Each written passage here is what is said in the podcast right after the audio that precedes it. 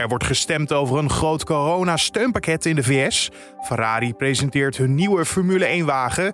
En de Amerikaanse staat Texas versoepelt de coronamaatregelen. Volgens sommige mensen gebeurt dat om de kritiek weg te schuiven die er was op de Texaanse aanpak van hevige winterstorm en de bijbehorende energiecrisis. Dus je kunt je voorstellen dat het een handige manier is om de aandacht af te leiden van iets waar de politici, met name governor Abbott, een republikeinse gouverneur van de staat Texas, de aandacht kan afleiden van datgene wat op zijn eigen verantwoordelijkheid mis is gegaan. Amerika-deskundige Diederik Brink hoorde je daar. Straks meer met hem over wat er vandaag in Texas te gebeuren staat. Maar eerst kijken we kort naar het belangrijkste nieuws van nu. Mijn naam is Carne van der Brink en het is vandaag woensdag 10 maart. Vorig jaar klopten er veel meer mensen aan bij de voedselbank. Dat komt door corona. De groep die ook hulp nodig heeft, maar nog niet krijgt, is volgens de voedselbank echter nog groter. Omdat er zoveel mensen aankloppen en ze eigenlijk alleen eten krijgen van supermarkten, willen ze nu een onafhankelijke stichting opzetten die eten voor de allerminste gaat inkopen. Zo schrijft Trouw. Ze willen daarvoor de 4 miljoen euro gebruiken die vanwege corona vrijkwam voor de voedselbanken. De gegevens van de gedupeerden van de aardbevingsschade liggen op straat. Dat komt door een groot datalek bij de NAM.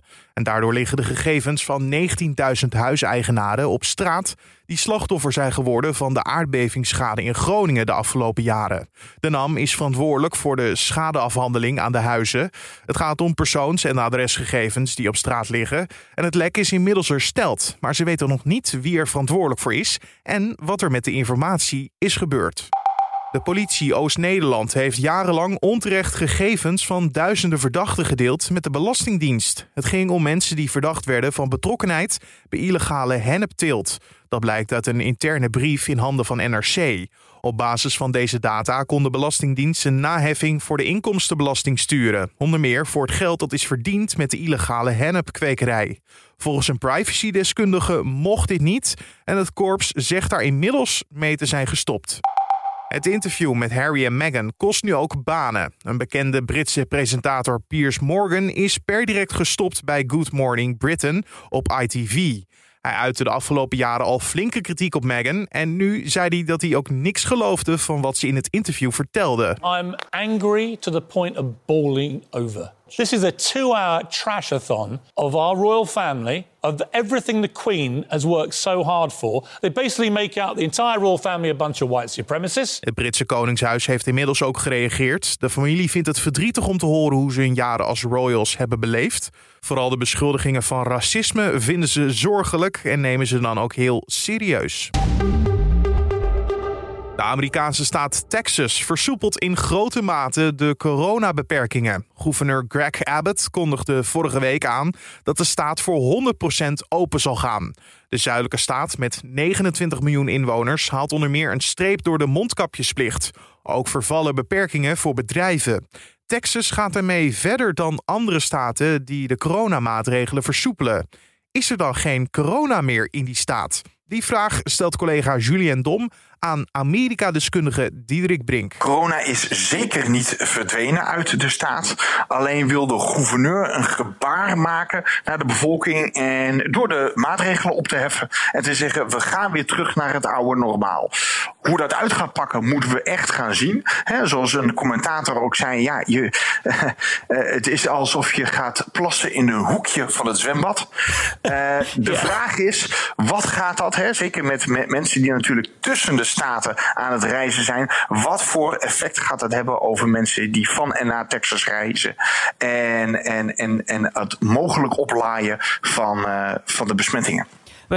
Wacht even, want ja, eerst schiet mij dan nog eventjes te binnen. Waarom willen ze dan sowieso aan die drastische versoepelingen toe? Want ja, in andere staten is het nog niet zo ver. En zeker als we kijken naar de cijfers in Amerika. Het ziet er nog niet heel rooskleurig uit over het algemeen. Ik denk dat daar uh, twee echt politieke redenen voor zijn. Want uh, je, je kunt natuurlijk zeggen, hè, bedrijven hebben er enorm veel last van, uh, omdat mensen niet meer komen, et cetera, et cetera. Maar uiteindelijk kun je zeggen, hè, mondkapjes, ook daar geldt ook weer van, kunnen een heleboel helpen. Dus ik zoek met name de, de uitleg hiervan in twee politieke redenen. Texas heeft net een grote energiecrisis achter de rug. vanwege de enorme sneeuwval zijn een heleboel mensen in de kou komen te staan. Energie of elektriciteit werd niet meer geleverd, waardoor mensen het thuis heel erg koud kregen. Dat had ermee te maken dat het Texas elektriciteitsnetwerk niet gekoppeld is aan de rest van de VS, omdat ze zich willen onttrekken aan federale regelgeving daarover. Uh, dat heeft ertoe geleid dat er veel kritiek is op de bestuurders in Texas. Want mensen zeggen we hebben in één keer torenhoge energierekeningen of we hebben zelfs helemaal geen stroom meer in huis. Dat heeft geleid tot doden door de kou. Het heeft ook tot politieke ongemak geleid, omdat een aantal politieke bestuurders uit de staat, waaronder een senator, lekker met het gezin op vakantie naar eh, Texas gingen. Ted Cruz hebben we het dan over, die met de foto op het vliegveld uh, te zien was met zijn koffertje.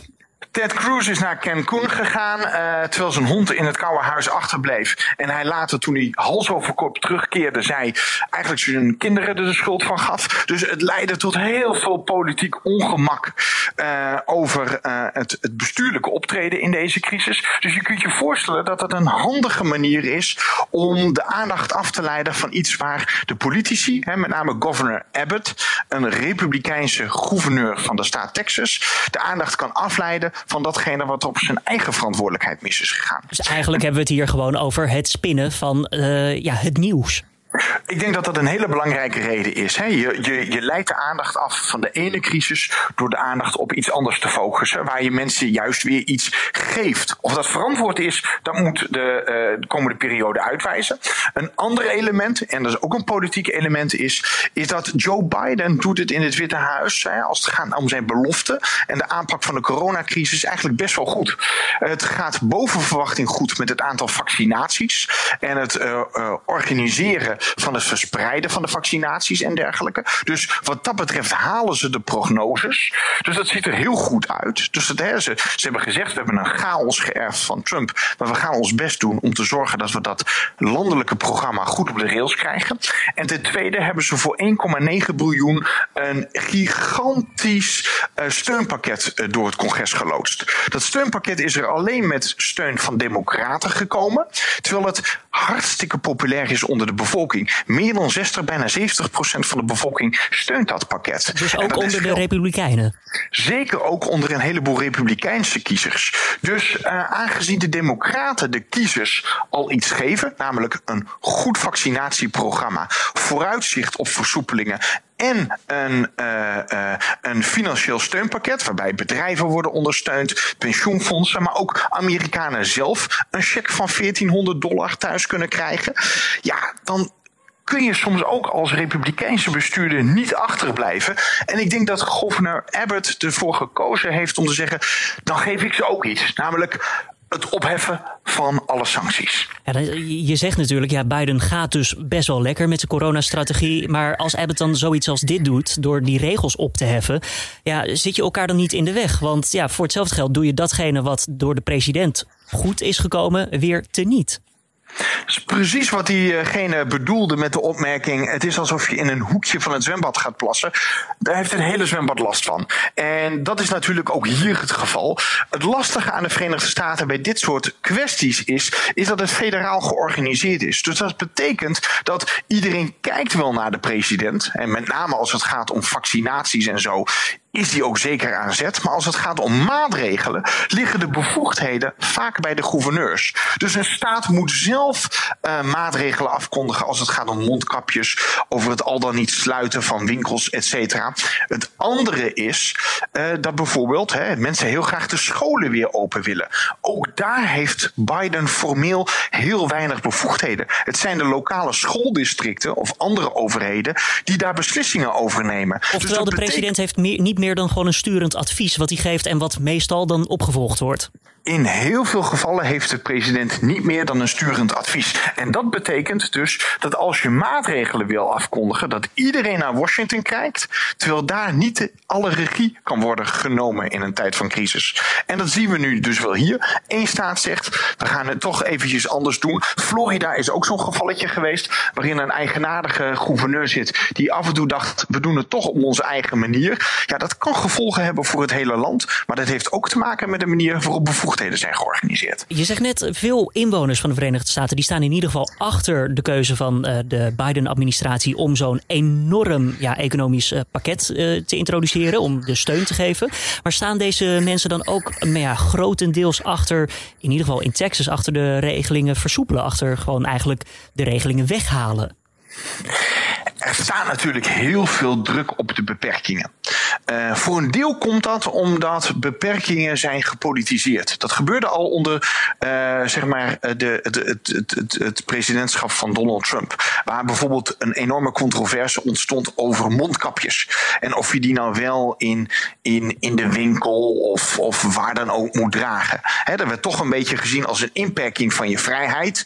Terwijl anderen zeiden van luister, we hebben allemaal regels. Je moet ook je broek optrekken als je naar buiten gaat. Je moet je gordel omdoen in de auto. Dus alles is al met regels omgeven. We hebben dit gewoon voor de volksgezondheid gedaan. Nou, sommige mensen gingen zich misschien ook een beetje aangemoedigd door hun uh, politieke voorkeur, zich een beetje tegen verzetten. Waarbij we zagen dat democraten wat meer de regels volgden en een grote groep Trump-aanhangers binnen de Republikeinse Partij zich daartegen verzetten. Is ook wel een beetje Republikeins eigen, toch? Minder, ja, uh, minder, minder regels, minder Precies. overheidsverboeienis ja. en geen inperking van je vrijheid. Dat klopt. Dat past ook heel erg bij het, bij, zeg maar, het timbre van, van, van een Republikein. Uh, je moet er wel over gaan. Hè?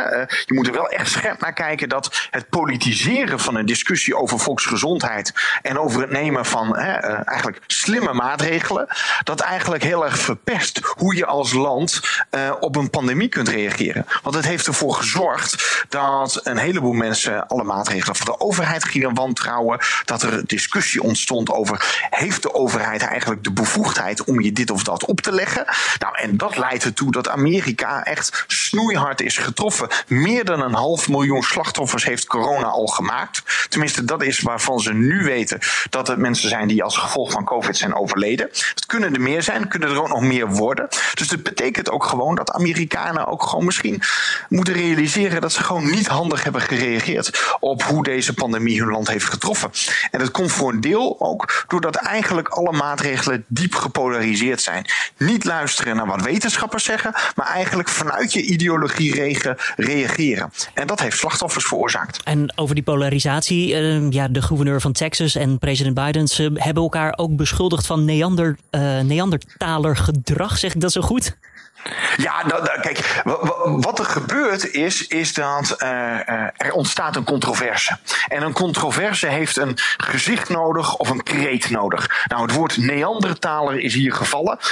Dat, zou dan slaan op, op wat voor primitief gedrag je zou laten zien. Uh, waar het werkelijk om gaat, is dat, um, en dat merk je met name aan de kant van de Republikeinen, zij zoeken vaak de mogelijkheid om een, een crisis tot een woord of, of, of een cultureel thema terug te brengen. Omdat ze weten dat hun achterban daar heel erg op aanslaat. Hun achterban is namelijk best wel blij met een iets grotere rol van de overheid in het oplossen van deze crisis. Als het gaat om vaccinaties. Maar ook als het gaat om economische steun aan bedrijven en aan individuele burgers.